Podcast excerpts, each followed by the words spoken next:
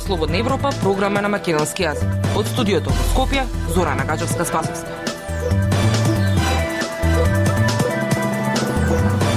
Почитувани, ја следите емисијата на Радио Слободна Европа. Во неа објавуваме. Бойкотирачите на пописот нема да бидат казнати. Во кризата, заштедата не треба да се чува под перница, препорачуваат економистите. Сведочење на 15 годишно украинско момче бегалец за умирањето на неговата мајка во Чернихев. Слушајте не.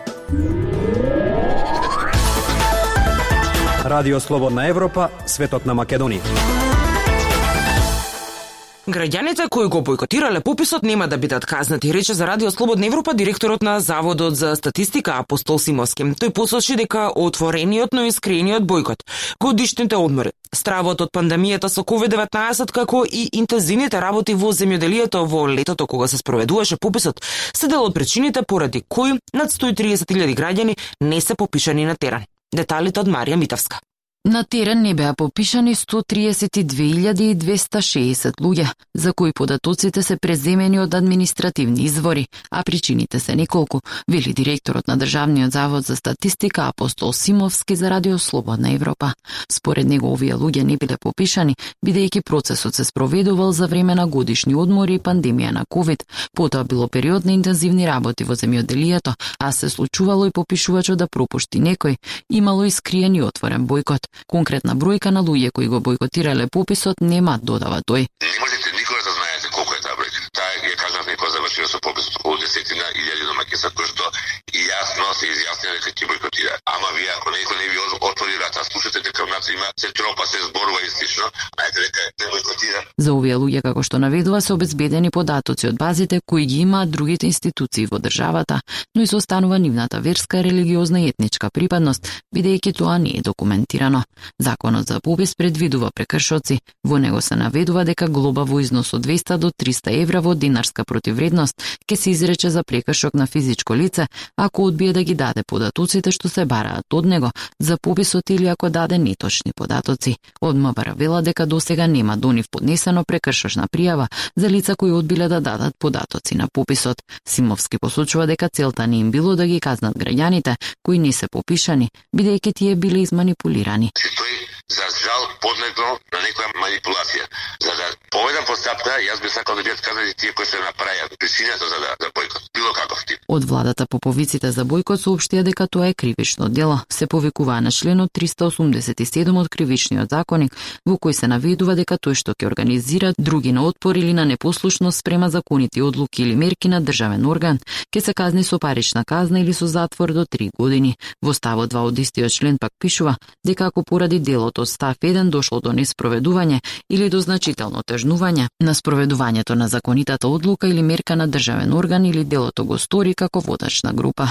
Партијата Левица, која има двајца пратеници во парламентот, водеше отворена кампања против пописот, насловена Не отворам врата. Партијата водеше и теренска кампања делејки летоци. Симовски вели дека планира да поднесе кривична пријава против Левица. Нема да постигнем целта со тоа. И она што беше најважно е целта беше и таа исполнена да ги обезбедиме податоците за лица и ги обезбедиме. Другото е последица. Мислам дека овој податок многу добро ќе влијае кај граѓаните да сватат каква глупост направија, што подлегнаа на тој притисок. Таа порака од мене дека биде. Заменик директорот на Државниот завод за статистика Илми Селами пред една година изјави дека ќе изготват кривична пријава за партијата Левица за бојкот на процесот. Наши економски проблеми. Ние разговараме за решенија на Радио Слободна Европа. Заштедените пари ја губат вредноста додека економската криза зема замав. Економистите ги советуваат граѓаните да не паничат, затоа што во изминативе години сме поминале низ полоши економски времиња. Тие препорачуваат парите да се распределат во повеќе места и да не се вадат панично девизи за чување под перница. Повеќе за оваа тема ќе слушнете од Јасмина Јакимовска. Тој што има заштеда во време на криза, најчесто ја вложува во стан, а добро е да се размисли за влог во некакви инвестициски фондови. Ова е ставот на младиот скопјанец Димитар Штериев, кој го анкетиравме во центарот на Скопје. Се гледам дека повеќе луѓето сакаат да вложуваат во недвижности. Моментално е лицената со становите како што е како што оди нагоре што не е реално за нашиот пазар, за нашиот стандард пред се. Исто така можеби вложувањето во инвестициски фондови, тие се некои два начини за чување на на пари. Повеќето граѓани со кои разговаравме велат дека пари нема, па од тука немаат ни проблем. но додаваат дека е добро да се штеди со пари во банка или чувајќи ги дома. За скобјанката Маја, која е од помладата генерација, подобра опција е банката, но не и за пензионерот Јаковча Степановски, кој вели дека многумина од неговата генерација се изгорале токму од чувањето пари во банка. Во криза потроши и не му ја мисли. Што да ти каже, секој си има свој план, своји скривници. Под душек. Ништо не е сигурно. Па и таму не е сигурно, ама мислам дека е посигурно. Се надоврзува друг пензионер од Скопје. Последните податоци на Народна банка за месец февруари покажуваат дека македонските граѓани чуваат пари во банките, па домаќинствата имале депозити од вкупно 306.700 милиони денари. При тоа, помал дел од граѓаните имале динарски депозити. Ова не било случај лани во март, кога може да се забележи тренд на раст на депозитите во странски валути на сметка на денарските. Кога се работи за тоа што да се прави со заштедените пари, економскиот аналитичар Павле Гацов вели дека и во време на криза важи општото правило парите да се распределат на повеќе места. Сегашно време мислам дека е многу добро да бидат во банка, бидејќи ризикот да се чува дома е односно последните многу поголем, да се вложува исто така е време, да кажам, за по-сериозна инвестиција нестабилно, значи треба да имате да бидете спремни да изгубите ако вложувате во нешто што не е целосно стабилно. Гацов забележува дека иако е најбезбедно чувањето пари во банка, таму и приносот е најмал. Додава и дека мора да се има наумот и државата гарантира до 30.000 евра за една банкарска сметка. Па од тука, ако некој има повеќе пари од ова, треба да ги распореди во повеќе банки. Во однос на промената на денарите во дивизи, вели дека е само изложување на непотребен трошок. Љубе Трпевски, поранешниот гувернер на Народна банка, вели дека е тешко да се даваат совети во време на криза, но уверува дека системот е стабилен и ќе ги амортизира ударите. Единствено што би можел да кажам е не треба да се создава паника, бидејќи ние сме надвор тие конфликти, иако кризата е светска и ќе погоди и Македонија. Препораката на Трпевски граѓаните да продолжат да се однесуваат нормално и да го купуваат она од кое што имаат потреба. Доколку некој планирал да зема кредит, треба да го стори тоа, вели Трпевски. Во однос на тоа дали кредитот да биде динарски или девизен, вели дека е едно бидејќи денарот е стабилен, па затоа поважно е да се види каде има пониска камата. Во јануари 2022 година е остварена годишна стапка на инфлација од 6,7%. Ова значи дека цените во просек биле за скоро 7% повисоки од колку во јануари минатата година. Актуелности свет на Радио Слободна Европа. Битките во Украина со руските сили не стигнуваат. Украинските бегалци раскажуваат страотни искуства. Во последниве две недели Андри, 15 годишник од Чернихив, во северна Украина, од болничкиот кревет во Лавив, раскажува за Радио Слободна Европа како сведочел на умирањето на неговата мајка. Неговата приказна ви ја пренесува Гоце Атанасов. Физичката болка е видлива. Андри има метален прстен околу фрактурата на левата нога и гипс на десната. Емоционалната болка доаѓа кога се сеќава како се обидел да побегне од целото, што руските војници го зазеле непосредно надвор од Чернихив.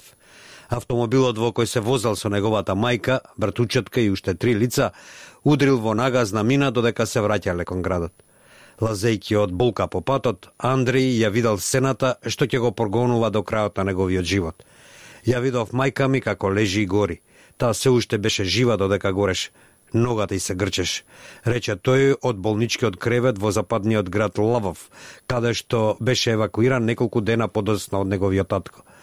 Безброј семејства се поделени од како Русија ја започна својата неиспровоцирана инвазија врз Украина на 24 февруари, бомбардирајќи патишта, училишта, болници и стамбени згради покрај воените цели.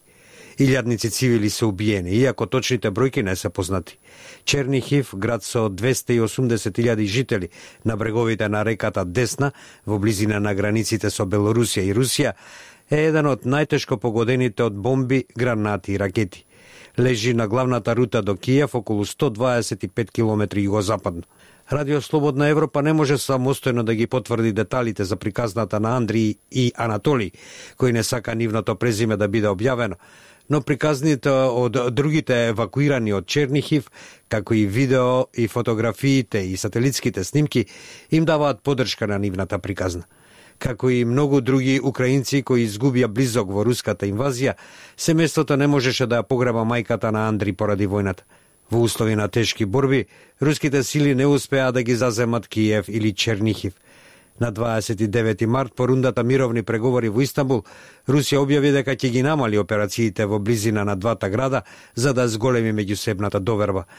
Но гувернерот на регионот Чернихив, Јачеслав Чаус, изјави дека не гледа никаков прекин во руските напади во текот на ноќта, а украинскиот председател Володимир Зеленски и западните представници изразија скептицизам за мотивите на Москва. Предходно Чаус рече дека половина од населението на градот заминало од почетокот на војната, но дека нападите се случуваат на секој 10 или 15 минути и дека нема безбеден излез откако руските сили бомбардирале мост на патот кон Киев. Чаус вели дека некои тела може би се уште се подурнатините на зградите. Андри смета дека имал среќа да преживее. По некое магично чудо жив сум, рече тој додавајќи дека неговиот татко му реколот и смртта на неговата мајка и на другите убиени во војната е цената што ја плаќаат за нивната независност. Ништо не е бесплатно. Ако Русија сака да биде тоталитарна држава и да стане Советски сојуз, нека биде така, но тие нема да не имаат, му рекол татко му. Култура и уметност на Радио Слободна Европа. Аквизиции и донации 2017-2021 е насловена изложбата што ќе биде отворена оваа сабота на 2 април во Музеот на современа уметност Скопје. На поставката ќе бидат изложени дела кои музеот ги има добиено по пат на откуп и донација од 2017 година до денеска. Прилог на Љупчо Јолевски. 35 автори од македонската визуелна сцена со 72 уметнички дела, од кои 8 се откупени од Министерството за култура, а 64 подарени, ја чинат несекојдневната изложба аквизиции и донации 2017-2021, што ќе биде отворена оваа сабота во 12 часот во Музеј на современа уметност Скопје. За прв пат, како што ќе биде наведено во информацијата до медиумите, ќе бидат поставени дела од основоположниците на модерната ликовна уметност во земја земјава како што се Лазар Личеновски, Никола Мартиновски, Димитар Пандилов, Томо Владимирски, Драгутин Аврамовски и други, кои досега не се прикажани во јавност. Згоре на тоа, во најавата за поставката стои и тоа дека една од позначајните донации е оставнината на почитуваната професорка доктор Радмила Угринова Скаловска, која се состои од 37 уметнички дела. Тука и она на еден од најзначајните современи македонски уметници, Глигор Стефанов, кој живее и твори во Канада, а кој по завршувањето на својата голема ретроспективна изложба Грабење во просторот во 2019 година одлучи своите сламени ангелски крилја и други 20 на дела да ги донира на Музеот на современа уметност. Во оваа низа влегува и младата Кристина Полейкова,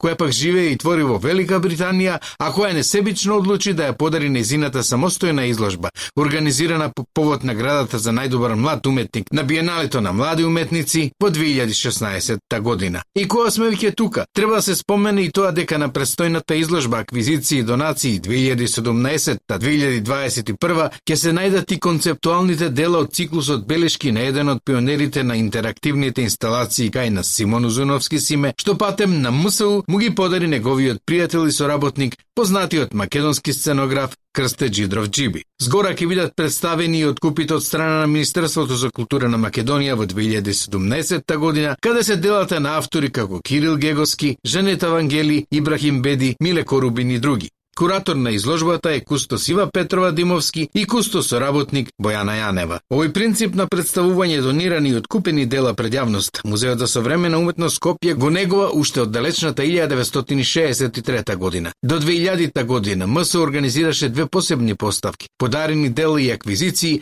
кои за прв пат се спојуваат во една изложба донации и аквизиции 1987-2000 година. Оваа изложба, како и предходните, продолжува со истата идеја да ги презентира квалитетот и квантитетот на делата од колекцијата, за да го прикаже минатото на визуелната уметност кај нас, не заради самата историја, туку и поради рефлектирањето на важноста за сегашноста и иднината и за колекцијата и музеот. Примарната функција, односно начинот на збогатување на колекцијата преку откупна политика и понатаму останува ненадминат проблем, но затоа музеот изразува огромна почит и благодарност до уметниците и донаторите кои понатаму несебично ја да збогатуваат колекцијата на МСУ, појаснува Ива Петрова Димовски. Тоа беше се што ви подготвивме за оваа емисија. Со вас од студиото во Скопје беа Зора Нагажевска Спасовска и Дејан Балаовски. До слушање.